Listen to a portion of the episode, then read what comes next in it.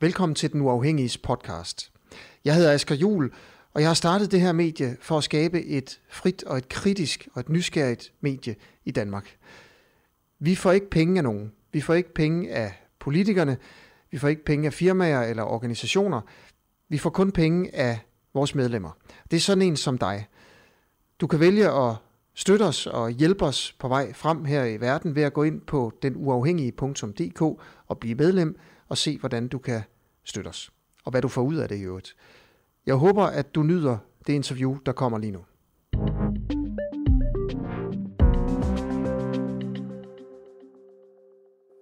Det er mandag den 15. marts 2021. Velkommen til endnu et interview her på Den Uafhængige.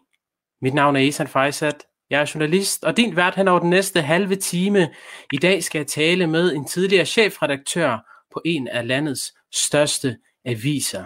Og det skal jeg, fordi han i sidste uge meddelte, at han stopper på avisen efter 14 år. Og den avis, jeg snakker om, det er naturligvis Ekstrabladet. Grunden til det er, at han for nylig er blevet far igen for tredje gang, og dermed skal fokusere mere på faderrollen og på rollen som ægte mand. Og så er han jo blevet rost af personer i mediebranchen fra venstre og højre, og hvor er han bare fantastisk og tilgængelig hele tiden. Men er der noget, som den gode medieboss fortryder? Det skal jeg spørge ham om lige om et øjeblik. Manden, jeg skal introducere, er naturligvis ham, som I kender som Pomagen, eller Mester Ekstrabladet, eller bare Paul Madsen. Velkommen til dig. Tak skal du have. Tidligere chefredaktør på Ekstrabladet, og nu også nybagt far for tredje gang, og i en alder af 58 år. Hvad bilder du dig ind? Ja, det spørger jeg sgu også mig selv om indimellem. Altså, hvad bilder jeg mig ind? Øhm, altså, jeg, hvis vi tager børnene først, så har jeg altid gerne ville have flere børn. Øh, det er altså den ene og anden grund ikke kunne lade sig gøre. Nu kunne det så lade sig gøre. Og så er det jo bare med at slå til, øh, og det er den største fornøjelse. I forhold til mit, mit job, øh, så er det, at jeg havde heller ikke, jeg havde ikke regnet med, at jeg skulle sidde her øh, på hjørnekontoret på Rådhuspladsen i 14 år. Jeg tænkte, det var sådan noget 3-4 år, og så skulle jeg videre. Men det var simpelthen, øh, det var for sjovt, og for vildt, og for anderledes, og for mærkeligt, øh, til at jeg overhovedet kunne komme afsted øh, før nu. Kan du huske den dag, hvor du tænkte på for første gang, at det, det måske var på tide at stoppe på Ekstrabladet? Jamen, der er lavet sådan en dokumentar øh, om Ekstrabladet, som hedder Ekstrabladet uden for citat, hvor øh, man følger vores arbejde i to år. Øh, og det er faktisk, øh, har jeg jo så genkaldt mig, det er faktisk 5-6 år siden, øh, at de var her. Og der tænkte jeg faktisk på det, øh, fordi det var, alting var meget hårdt, og øh, oplevet gik ned, og vi havde ikke rigtig for alvor øh, medarbejderne med på den, den nye vej. Øh, så der overvejede jeg også lidt, om, om min anden skulle tage stafetten. Men så er jeg jo, jeg er jo sådan en type, at øh, når der er allermest blæst, øh, så bliver jeg stående. Øh, og det gør jeg jo, fordi at jeg synes også, at øh, jeg vil også gerne vinde. Og øh, jeg vil gerne igennem det, der er hårdt, øh, inden jeg eventuelt skulle give en stafet videre. Var det derfor, at I for lidt over et års tid siden hentede Kristoffer Eriksen ind som ekstrabladet, fordi du allerede vidste tilbage i december 2019, at du vil stoppe nu? Nej, det vidste jeg ikke. Altså, jeg vidste, at der skulle øh, endnu en gang, altså jeg, jeg tror, jeg har været med til at forny Ekstrabladet, og også mig selv, måske 6-7 gange i løbet af de her øh, 14 år. Øh, og det var tiden, at der skulle ske noget nyt igen, og derfor skulle vi have øh, nogle yngre chefredaktører, øh, Pernille Holbøl og Christoffer Eriksen, øh, som ligesom kunne være med til på hver deres måde øh, at drive tingene videre. De to kan noget meget forskelligt. Øhm, og til sammen vil jeg virkelig sige, der kan de øh, rigtig meget. De kan også mere, end jeg kan alene. Øhm, og derfor er tidspunktet bare bedre nu. Da de blev hentet ind, der tænkte jeg, selvfølgelig skal jeg stoppe på et tidspunkt, og forhåbentlig kan de to øh, blive mine afløser. Men om det sker om et år, eller om tre år, eller hvornår det sker, det anede jeg ikke. Godt.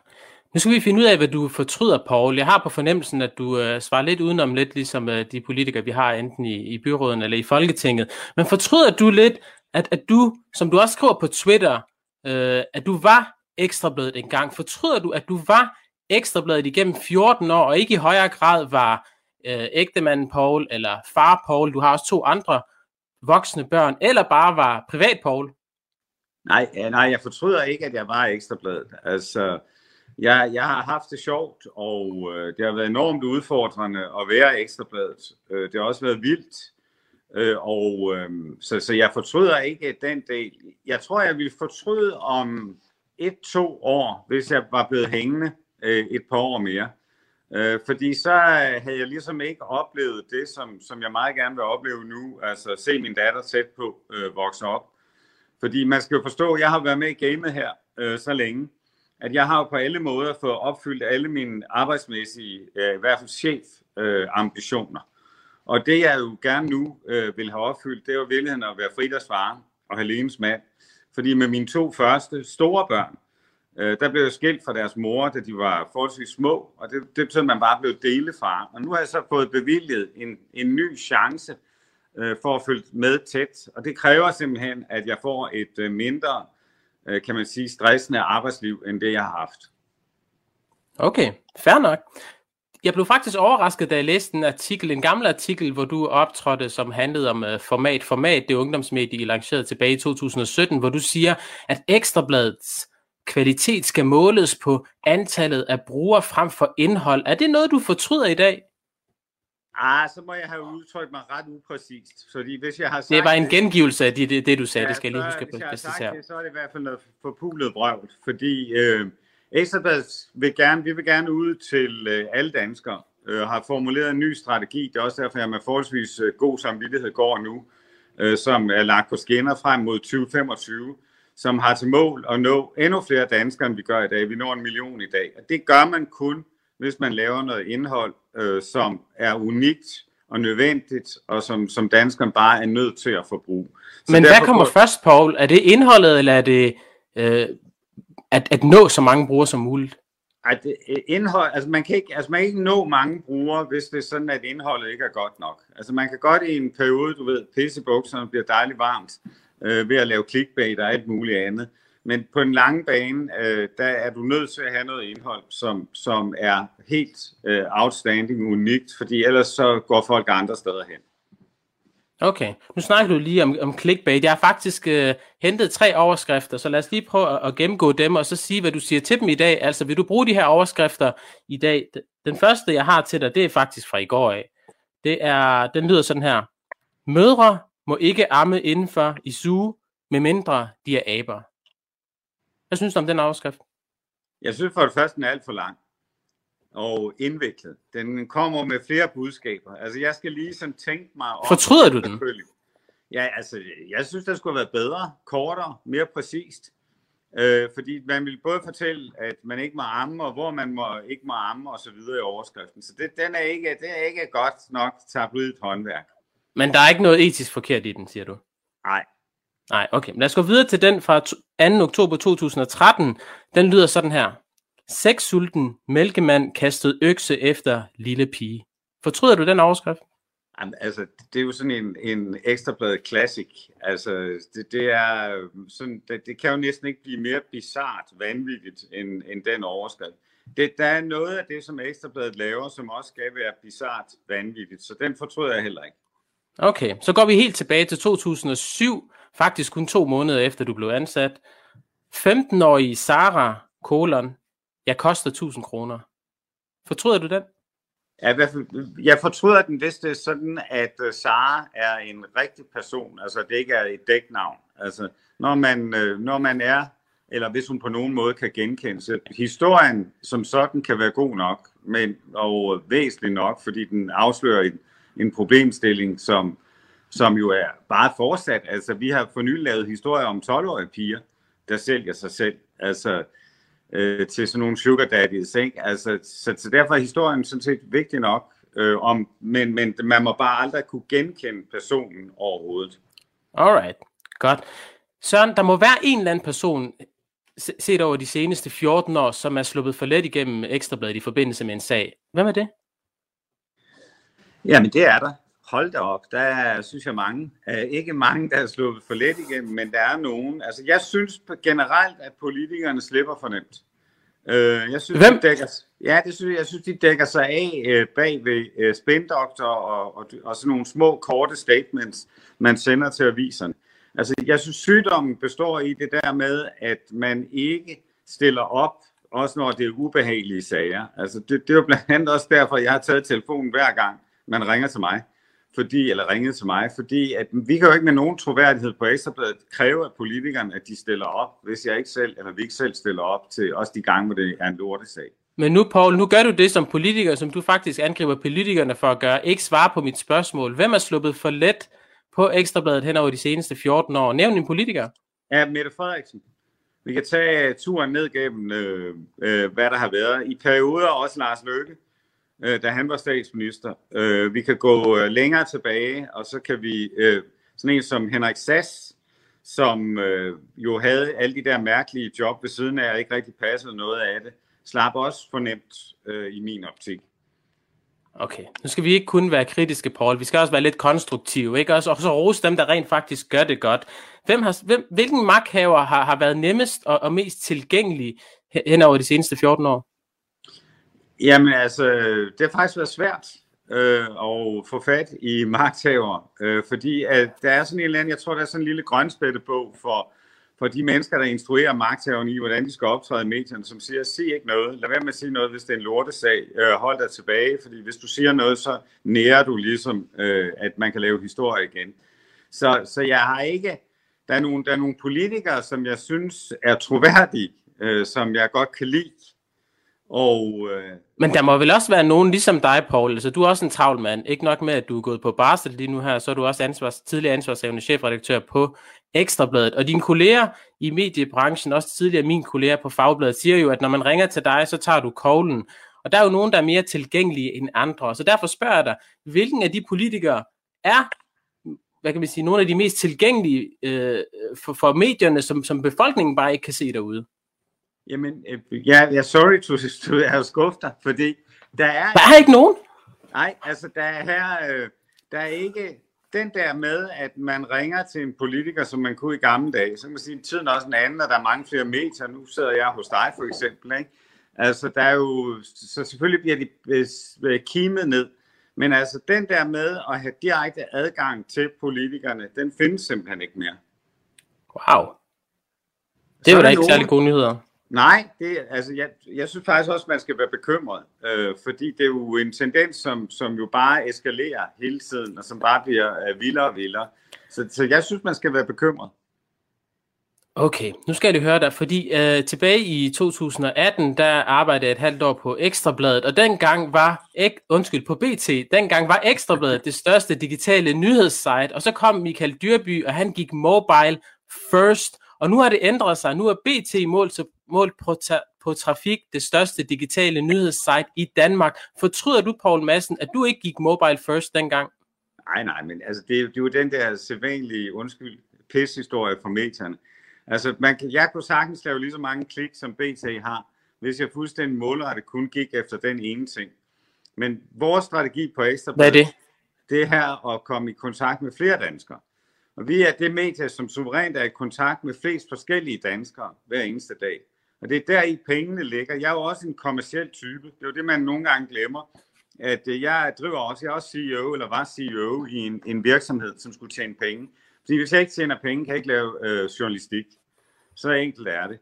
Og øh, at det handler, for Ekstrabladet handler det om at få flest mulige forskellige danskere til at komme forbi vores site hver eneste dag. For derigennem vil man være i stand til både at sælge dem en annonce, altså noget eksponering, og så vil man kunne sælge dem som det nye, også et abonnement øh, digitalt. Og når vi gerne vil sælge dem et abonnement digitalt, så er vi også nødt til at gøre vores journalistik endnu bedre og endnu mere udimodståelig. Ellers gider man ikke betale for det. Og succeshistorien inde bag vores historie er faktisk, at det går bedre og bedre. Vi er lige uden at nogen faktisk, tror jeg, har opdaget det, hævet prisen på vores digitale abonnement fra 49 til 79 kroner.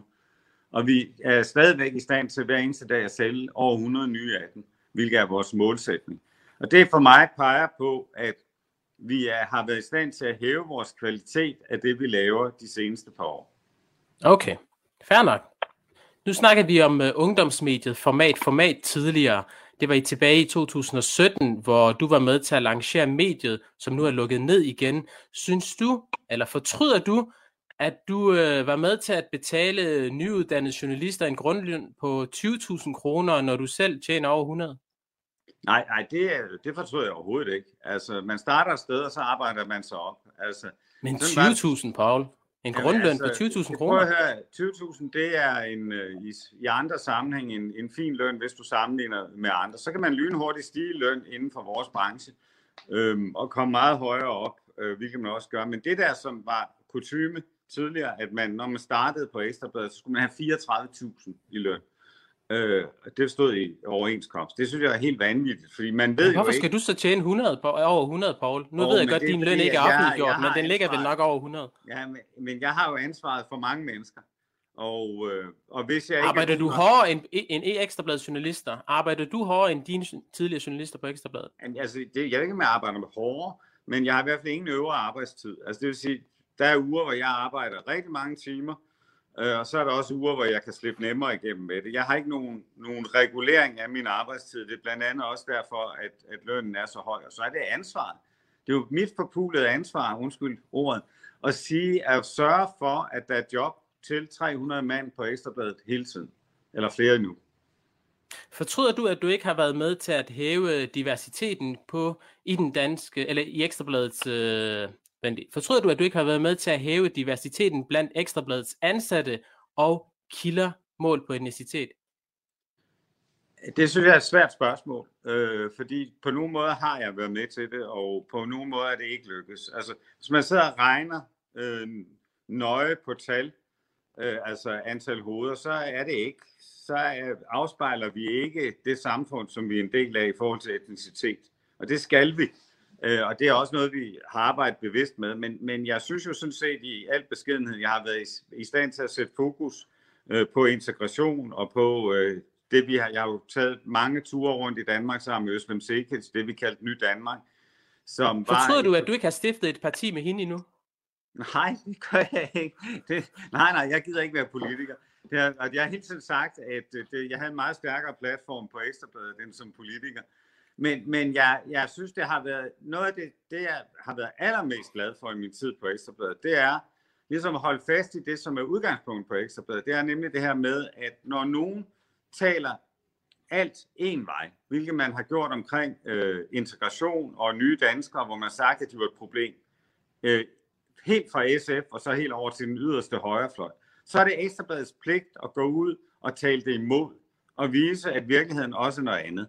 Og det var det, jeg gjorde med Øslem i projektet Ny Danmark, hvor vi sagde, prøv at høre, vi er dem, vi nu er i Danmark. Vi bliver aldrig anderledes. Lad os se at få noget godt ud af det, i stedet for hele tiden at tale det ned. Så det er et af de projekter, jeg har været allermest glad for. Fortryder du, at du ikke stoppede massageannoncerne for 14 år siden? Nej, nej, det fortryder jeg ikke. Altså, jeg havde øh, lyst til at stoppe massageannoncerne for nogle år siden, men igen, fordi jeg også er, øh, er ham, der er ansvarlig for økonomien, så ville det betyde, hvis jeg ikke fik lov til at lade være med at tjene færre penge af min bestyrelse, at jeg skulle ud og fyre 25-30 journalister. Så derfor var valget forholdsvis nemt. Men det, jeg synes, der er sket de sidste år, det er, at massageannoncen er kommet til at skygge for øh, Ekstrabladets gode journalistik, så jeg hele tiden har skulle tale om dem, i stedet for at tale om vores journalistik. Helt ærligt, Paul. Var det dig eller bestyrelsen, der foreslog at stoppe massageannoncerne? Jamen, det var mig. Og jeg har først nu fået bestyrelsens opbakning til det. Og det krævede, at bestyrelsen samtidig gav mine efterfølgere lov til, i hvert fald i en periode, kort eller længere, at tjene lidt færre penge, end man har været med til under mit øh, regime herinde på Ekstrabladet. For man kan simpelthen ikke nå at, man kan ikke nå at skaffe sig nye indtægter så hurtigt, når øh, det her forsvinder. Fortryder du håndteringen af sexisme-sager på Ekstrabladet? Jeg, jeg fortryder, at de overhovedet ikke, ikke håndteringen, den, den synes jeg var god, da det endelig gik op for den gamle rongador, nemlig mig, at der var et problem. Øh, og det, jeg fortryder mest, det er da, at jeg ikke var i stand til at se det tidligere. At den kultur, vi havde på Ekstrabladet, kunne være rigtig sjov for de fleste af os, men at den faktisk ikke var så sjov øh, for nogen. Så det øh, du, med også, det du også siger med andre ord, Poul Madsen, det er, at du ikke fortryder, at du tilbage i 2017 forfremmet en chef, du lige havde givet en, en påtale ja, for men, seksuel krænkelse? Nej, det fortryder jeg ikke, fordi hvis jeg havde gjort det, du siger her, så, havde jeg, så synes jeg, jeg skulle have gået min vej. Altså, Hvad det var? Ikke det, det var ikke det, der skete. Det, der skete tilbage der, var to chefer, som ikke kunne sammen, og vi er jo nødt til at, at tage et valg på den ene af dem frem for den anden. Men jeg har lovet mig selv én ting, og det er, at jeg ikke nogensinde vil tale om den sag igen, fordi den, jeg synes, den var så langt ude, også den måde, den blev fremstillet på. Okay. Har kulturen på Ekstrabladet i forhold til sexisme ændret sig bare de seneste par år? Altså, den har i hvert fald dramatisk ændret sig siden oktober, øh, hvor det gik op for folk, at øh, øh noget af den måde, vi var sammen på, øh, overhovedet ikke holdt. Altså, jeg var flov, men mine medarbejdere var også flove over, at det her var sket. Øh, og jeg synes, vi har okay. fået sat nogle meget, meget klare regler op, som, som gør, at det bliver i hvert fald nemmere at komme til at, at, at forhindre det fremover. Lad os prøve at komme lidt nærmere ind på de der regler, Paul. Må man tiltale sin kollega for smukke på Ekstrabladet? Ja, hvis man kender hinanden vældig godt, øh, så må man godt. Men øh, hvis man, man skal hele tiden huske på magt, at øh, hvis, hvis det er mig, der siger smukke til en journalistpraktikant, så er det et problem. Hvis det er en journalistpraktikant, der siger smukke til en anden journalistpraktikant, så er det et mindre problem. Men det må man gerne, siger du? Ja, altså man, man, må, man må gerne øh, være sød og fræk og alt muligt andet. Det, det vi egentlig har fokuseret mest på, det er hele den her magtpyramide, at man, at man kan ikke være et par eller have et forhold til hinanden, hvis den ene part har en magt over den gruppe, man er, er medlem af. Det vil sige, en praktikantvejleder kan ikke have et forhold til en praktikant, for det bliver et problem for de andre praktikanter. Der kan være en særlig relation. En chef kan ikke have et forhold til en medarbejder. Man må gerne blive forelsket i hinanden, også på ekstrabladet fremadrettet. Men så er chefen, eller den, der har magten, nødt til at træde ned fra den position og blive almindelig medarbejder. Okay. Må man lægge en hånd på låret på ekstrabladet? Nej, det må man ikke. Det, det tror jeg, der er meget få, der vil synes, det var fedt. Et klap på numsen? Nej, det er så gammelt, det er så dumt. Okay. Fortryder du, at du uh, tilbage i 2017 kaldte kommunalpolitikeren Sonja Marie Jensens beretning til TV2 Fyn om sexchikane og klask på numsen i byrådet for et PR-stunt for at blive mere kendt. Og prøv, prøv at se med lige øh, der. Og nu øh, gør jeg lige min skærm lidt større, så jeg kan læse, hvad der står. Sådan der. Det er en leder på Ekstrabladet tilbage i 2017, den 28. april, hvor du skriver, hvis målet for Sonja Marie Jensen er at få stoppet sexchikane i byrådet, så har hun fejlet. Så skulle hun være gået direkte til borgmesteren, der sådan set er ansvarlig for arbejdsmiljøet i byrådet, og altså dermed er manden, der har pligt til at stoppe sexchikane. Men det gjorde Sonja Maria Jensen ikke. Hun gik i stedet til TV2 Fyn, hvilket betyder, at det eneste, hun med sikkerhed har opnået, er at blive et kendt ansigt. Det er selvfølgelig heller ikke så dårligt set i lyset af, at der er kommunalvalg til efter. Og fortryder du det? Nej, altså nu er det jo ikke bare fordi det er en leder i Ekstrabladet, det er jo ikke nødvendigvis mig, der har skrevet den. Nej, jeg synes faktisk... Er det dig, der har øh, skrevet den? Lad os lige få det på plads først. Nej, det er det. Jeg har ikke skrevet den. Jeg tager ansvaret for den, Nå. ligesom jeg tager ansvaret okay. for alt andet øh, herinde. Øh, jeg synes faktisk, den, den meget præcist øh, siger, hvad hun skulle have gjort. Så kan man sige, at den kan læses ind i alle mulige andre... Altså, jeg mener, hvis man har et problem omkring sexisme på sin arbejdsplads, så skal man jo gå til sin arbejdsplads med det. Øh, det var noget af det, som også var problemet herinde hos os. Det var, at det havde man faktisk gjort, nogle af de her, men var ikke blevet taget alvorligt. Og der mener jeg bare, at hvis man nogensinde skal få arbejdspladsen til at tage det her alvorligt, så er man nødt til at gå til den, der er ansvarlig for det. Det vil sige, for eksempel inde hos os, vil det være mig i den sidste ende, eller øh, for Sonja her vil det være borgmesteren. Og derfor kommer det til at lugte af et PR-stunt, at hun ikke gør det, men går til TV2 Fyn. Okay. Vi snakkede om uh, din kollega Michael Dyrby på BT før, og han har jo om noget uh, travlt, eller ikke travlt lige i øjeblikket. Han vil i hvert fald ikke stille op i forhold til de, uh, den sexisme-sag, der er opstået på BT. Har du et godt råd til ham? Skal han stille op? Skal han ikke stille op? Der er ikke rigtig nogen, der kan få fat på ham. Selvfølgelig skal han stille op. Det er fuldstændig top hyklerisk, at han ikke gør. De har endda et metamagasin, som ligger 5 meter længere ned ad gangen fra, hvor han sidder. De har det program, som hedder Det, vi taler om. Der man heller ikke være med.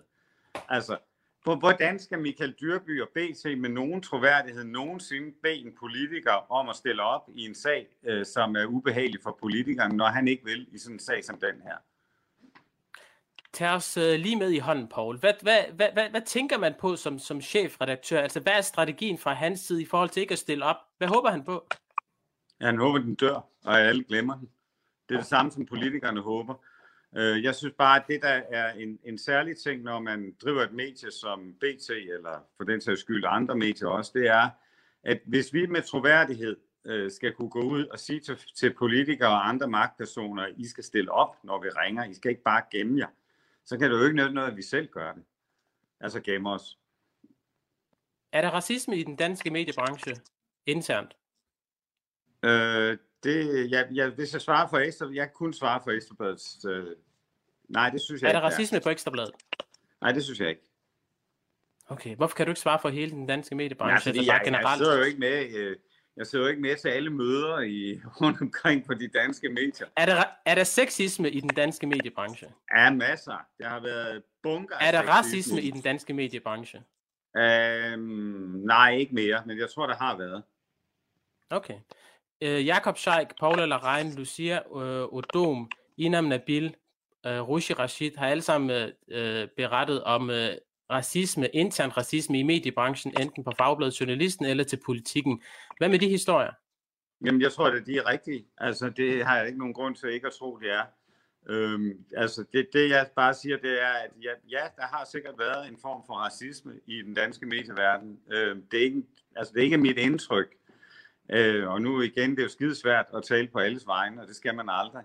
Men øh, det, der, jeg kan i hvert fald sige, her på Ekstrabladet, der har vi ikke øh, nogen racisme eller haft det, fordi det har altid hos os øh, handlet om historien, og ikke om, hvem man var.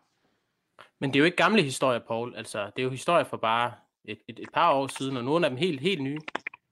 Ja, men altså, så må de mennesker, der, der ligesom har været problemet, de må jo stå til ansvar for det. Altså, jeg, jeg står gerne til ansvar for det, der er foregået herinde. Sådan der. Paul, her til sidst, fortryder du det her interview? Nej, det gør jeg ikke. Jeg synes, det har været fint. Jeg synes også, du får stillet mig nogle spørgsmål, som ingen af de andre har stillet. Og øh, det synes jeg er det vigtigste, man kan gøre som journalist, det er at finde sin egen vej. Og ikke bare gøre som alle de andre. Der er alt for meget copy-paste i dansk presse lige nu. Er den uafhængige verdens bedste nyhedsmedie? Ved du hvad? Jeg vil gerne sige ja. Øh, jeg, hvis jeg nu siger ja, hvad, hvad, øh, bliver du så en glad mand? Det ved jeg ikke helt, om jeg bliver. Nej. Skal vi så ikke bare sige, at øh, I gør det godt? Sådan der. Jeg har jo stillet, jeg har jo faktisk gjort det modsatte af det, min underviser lærte mig på Journalisthøjskolen. Det var at stille åbne spørgsmål. Jeg har nemlig næsten kun stillet dig lukkede spørgsmål, men jeg vil slutte med et åbent et, et af slagsen. Hvad skal Ekstrabladet blive meget bedre til de næste fem år? Jamen, vi skal blive meget bedre til øh, at fange øh, yngre kvinder. Cool. Kort. Jamen, øh, det blev det sidste ord fra Paul Madsen, og snart også fra mig. Tusind tak til dig, Paul. Selv tak. Og tak til jer, fordi I øh, så eller lyttede med. Vi er tilbage igen øh, senere på ugen, samme tid, samme sted. Indtil da, husk, hvis alle kan lide dig, så gør du ikke den store forskel alligevel.